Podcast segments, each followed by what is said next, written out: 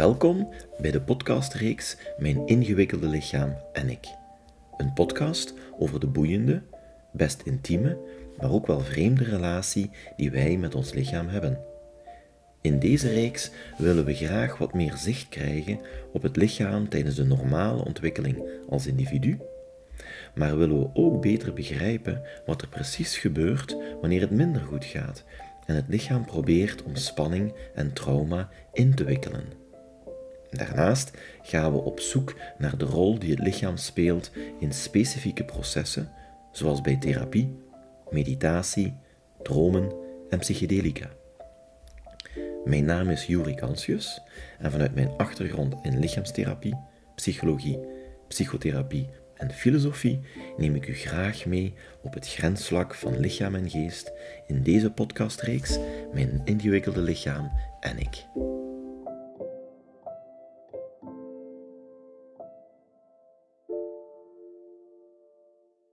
Welkom bij de tweede aflevering in de podcastreeks Mijn ingewikkelde lichaam en ik.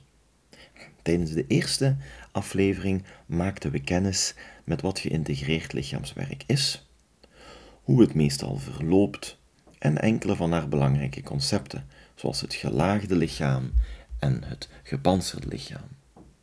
Beide concepten gaan we in de komende afleveringen zeker en vast verder uitspitten en meer concreet toepassen op ons eigen dagelijkse leven. Maar vooraleer dat te doen, moeten we nog eerst even stilstaan bij een centraal uitgangspunt van geïntegreerd lichaamswerk.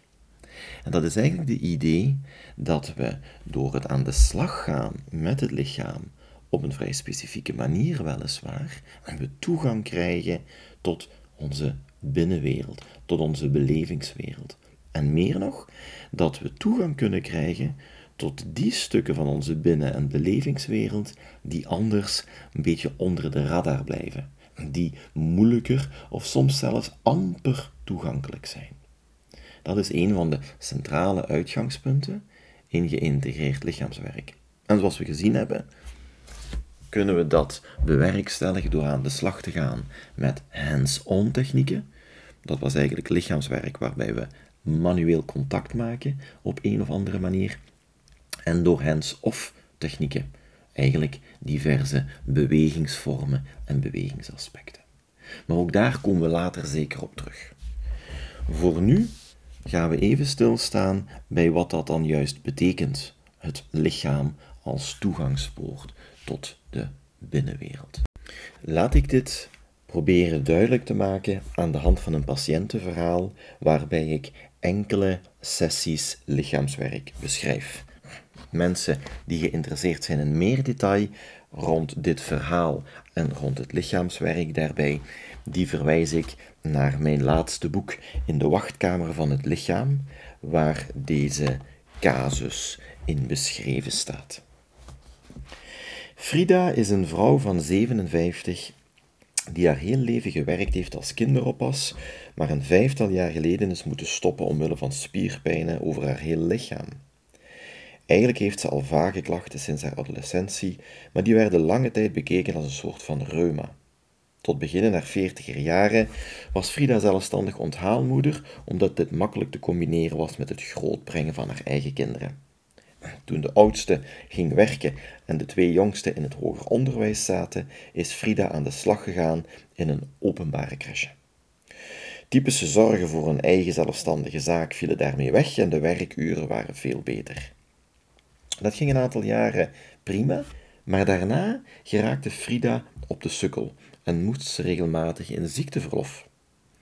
Op 52 jaar is Frida in onderling overleg met haar werkgever gestopt met werken, wat ook haar man, die vervroegd pensioen genoot, een goed idee vond. De bedoeling was om meer van het leven te gaan genieten, samen veel dingen te doen en regelmatig op reis te gaan. Veel daarvan is echter niet in huis gekomen.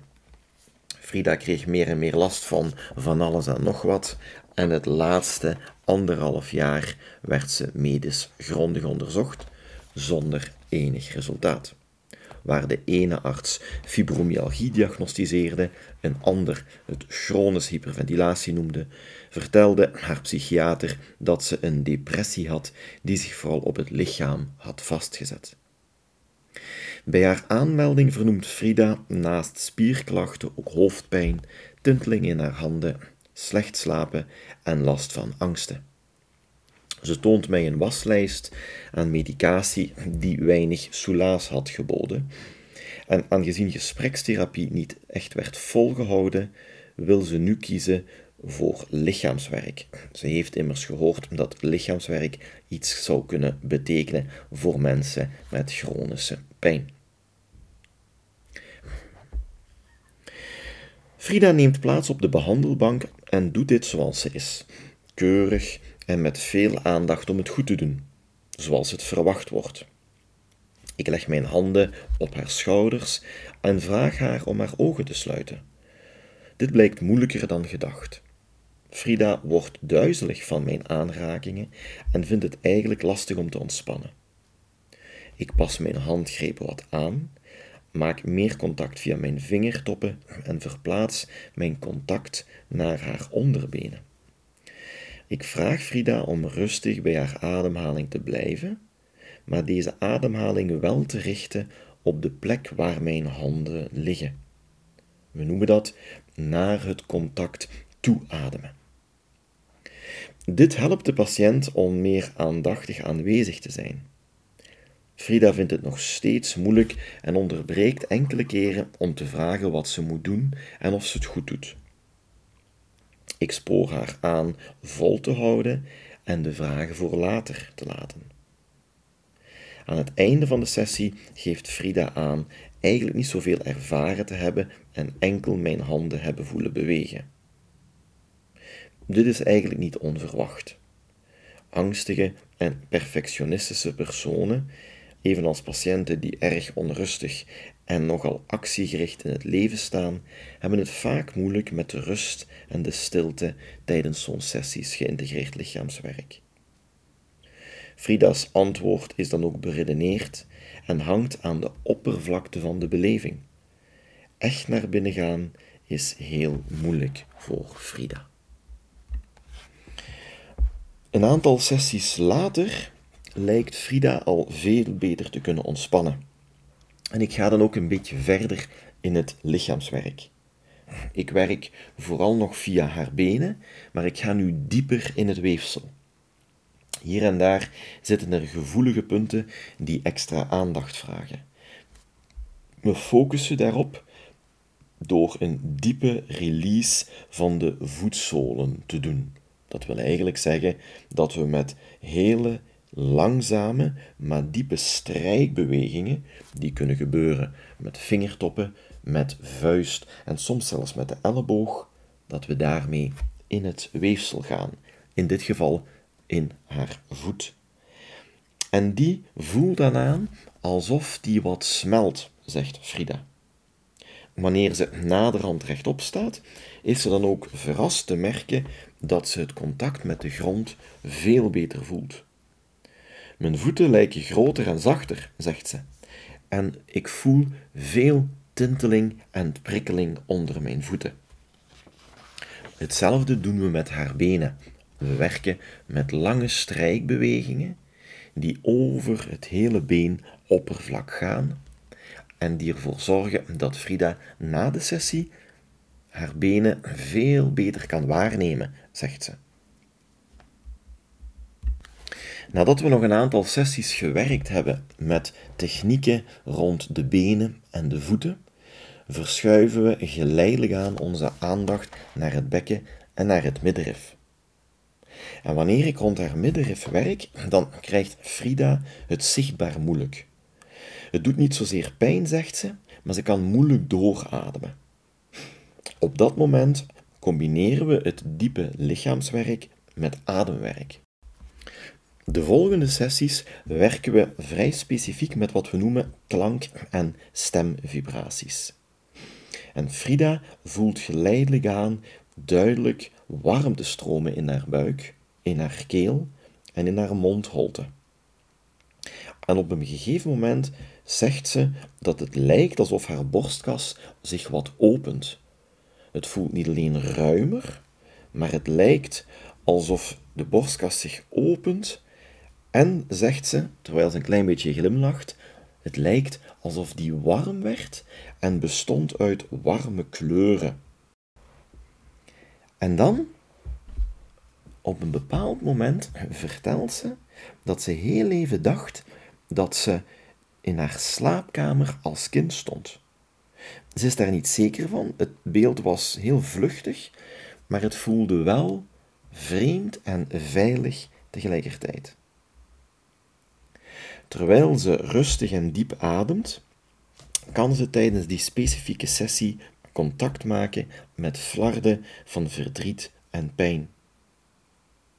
Na de sessie, wanneer we ruimte tot spreken bieden, weet je nog, dat was de derde pijler van geïntegreerd lichaamswerk, dan komt Frida rustig op verhaal en dan brengt ze haar ervaringen en wat er zo net gebeurd is qua herinneringen in verband met de afwijzing die ze ervaren heeft toen haar vader thuis wegging en zij met haar jongere broertje en zusje amper nog contact had, omdat vader enkel met hen contact wou hebben.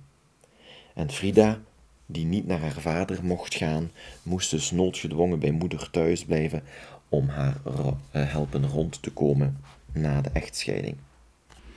Oké, laten we alvast even pas op de plaats maken. Stel dat mensen die helemaal niet vertrouwd zijn met geïntegreerd lichaamswerk, als een soort vlieg in de kamer aanwezig zouden geweest zijn doorheen alle sessies van Frida, dan zouden zij allicht een beetje bevreemdend opgekeken hebben. Want voor een buitenstaander is het niet veel meer dan een therapeut die met zijn handen wat werkt. Velen zouden dan zeggen wat masseert. En dan anderzijds Frida die in toenemende mate dingen ervaart en daar zelfs over vertelt. Een therapeut geïntegreerd lichaamswerk zal zeggen dat dit net is wat er bedoeld wordt wanneer we zeggen dat het lichaam als een toegangspoort kan dienen tot de binnen- en de belevingswereld, in dit geval van Frida. Toen Frida pas begon, kon ze eigenlijk amper haar eigen lichaam waarnemen. Meer nog, ze werd daar onrustig van, ze werd daar meer gespannen van. En na heel wat sessies, zoals net beschreven, staat Frida een pak verder. Ze kan veel beter ontspannen. Ze staat in een veel beter contact met haar lichaam. Bepaalde waarnemingen en prikkels kan ze heel makkelijk terugbrengen tot haar ervaring. Maar meer nog, via het lichaamswerk komt ze in contact met stukjes, in haar geval trauma, die vergeten waren. Vergeten in de zin dat ze daar eigenlijk geen contact meer mee kon maken. En meer nog, door het lichaamswerk heen kan ze er beter contact mee maken, leert ze erover spreken en vertellen en krijgen die ervaringen op een bepaalde manier een plek. Wat wij dan noemen, ze worden beter geïntegreerd in het levensverhaal. Oké, maar we hadden gezegd dat we begrijpelijk zouden willen maken hoe we die lichaamsbewustwording moeten snappen. Wel, om dat te doen moeten we heel even in het brein duiken. En meer specifiek in een structuur die de insula noemt. En de insula is een structuur die je aan beide kanten in je brein hebt. Dus je hebt er één aan je linkerkant en één aan je rechterkant. En die bestaat uit drie delen een voorste deel, een middelste deel en een achterste deel. En laten we toch even pas op de plaats maken en proberen te begrijpen waarom die insula nu zo belangrijk is en wat daar juist gebeurt.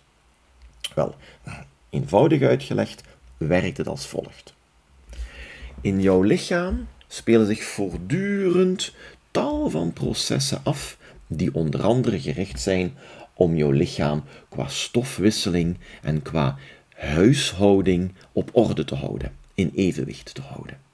We kennen alvast een heel aantal systemen, zoals het ademhalingssysteem, het bloeddruksysteem, het verteringssysteem en dergelijke meer. En al die informatie van al die processen die voortdurend aan de hand zijn, die zich afspelen in jouw lichaam, wel die informatie die komt via een aantal interessante omwegen terecht in het achterste gedeelte van die insula. En daar gebeurt iets interessants. Daar maakt het lichaam eigenlijk een soort van foto van die toestand.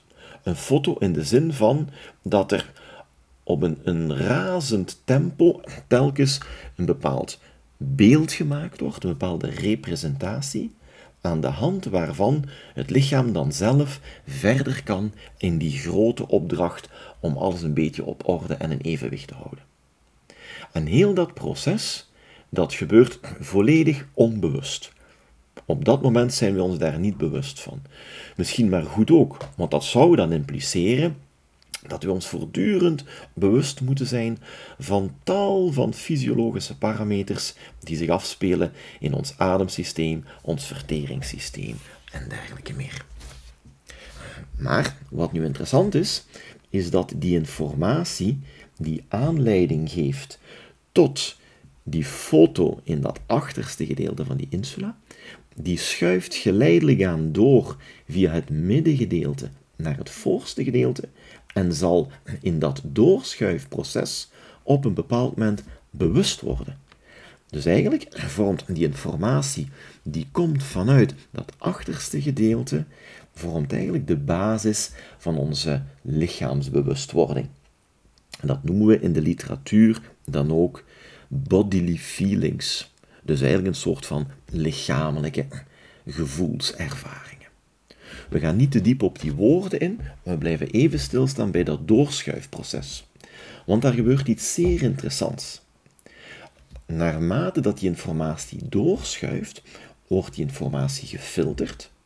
Want zoals ik net zei, kunnen we onmogelijk die massa aan informatie die van milliseconde tot milliseconde zich voltrekt, die kunnen we nooit verwerken. Als we ons daar bewust van zouden moeten worden, dan hadden we allicht weinig schijfruimte over om ons bezig te houden met de dingen in ons leven rondom ons die er echt toe doen. Dus de filtering die daar gebeurt, is één belangrijke ingreep. Maar de meest belangrijke ingreep op een bepaalde manier is dat ter hoogte van het middenstuk van die insula, weet je nog, die bestond uit drie delen, dat dat middenstuk eigenlijk in een enorm nauw contact staat met ons emotioneel geheugen. En wat betekent dat?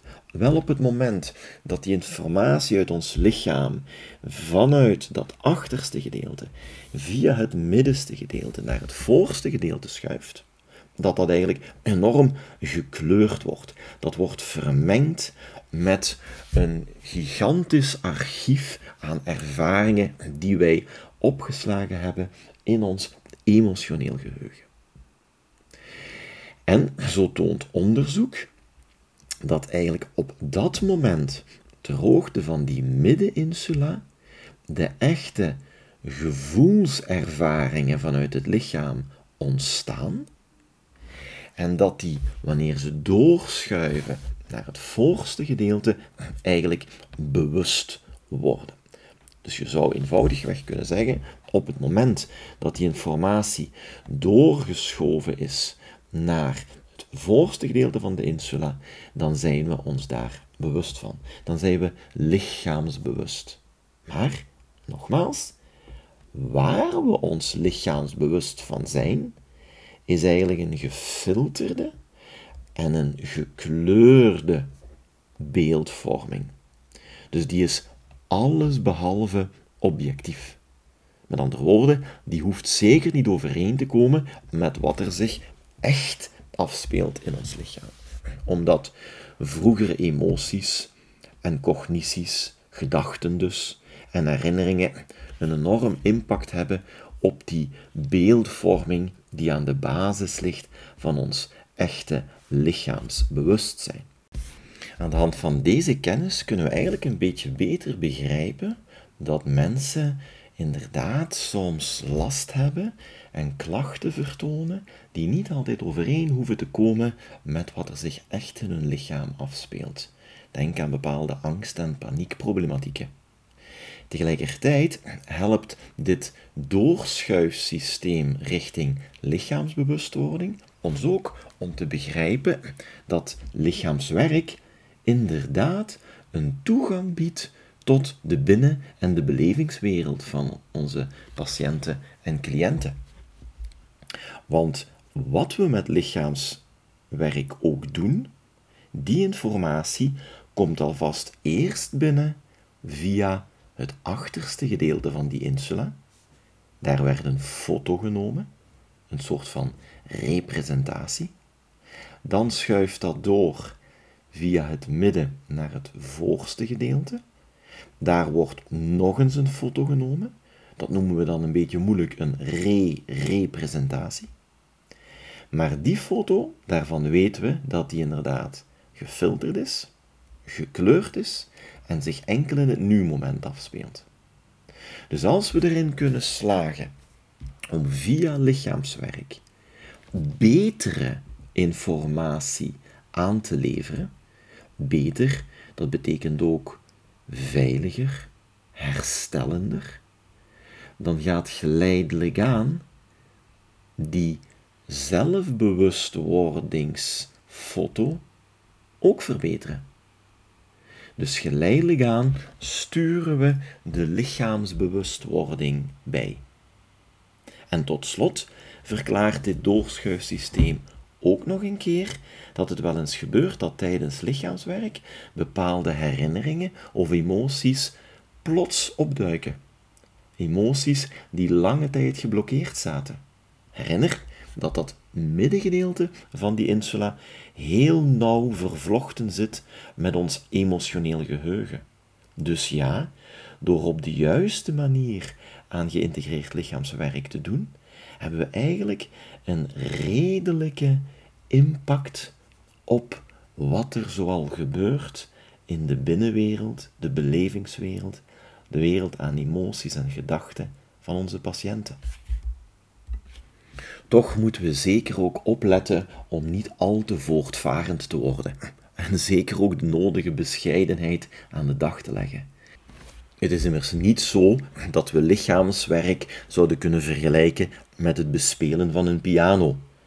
Zoals een pianist die de toetsen op de juiste manier aanslaat, op voorhand prima weet welke compositie aan klanken eruit voort zal komen. Dit is helemaal niet het geval bij geïntegreerd lichaamswerk. Soms heeft het zelfs wat meer weg van een soort van blackbox. We werken zeer afgestemd en het lichaam wordt op een hele specifieke en deskundige manier benaderd, maar toch is er altijd een grote variëteit mogelijk aan hoe mensen dit ervaren. Het tempo waarin en waarop dingen in beweging gebracht worden. En hoe datgene wat in beweging gebracht wordt, uiteindelijk ook een plek kan krijgen binnen het bewustwordingsproces van onze cliënten en patiënten. Maar wanneer we dit in ogenschouw nemen, dan is het in ieder geval wel zo dat lichaamswerk, of het nu hands-on gebeurt, met diverse manuele technieken, drukpunten, strijkbewegingen, diepe massages of heel subtiele aanrakingen, of het gebeurt met hands-off technieken, bewegingsvormen, ademwerk, en we combineren het met een ruimte tot spreken, tot het zoeken naar woorden en taal om op verhaal te komen. Wel, hoe dan ook, biedt dit een zeer unieke en zeer mooie toegangspoort tot de binnen- en de belevingswereld. En daarmee is het een heel krachtig medium in wat we noemen persoonlijke ontwikkeling en bewustzijnsgroei. En zoals beloofd gaan we in de komende afleveringen nog verder in op dit boeiende verhaal van mijn ingewikkelde lichaam en ik. Graag tot dan.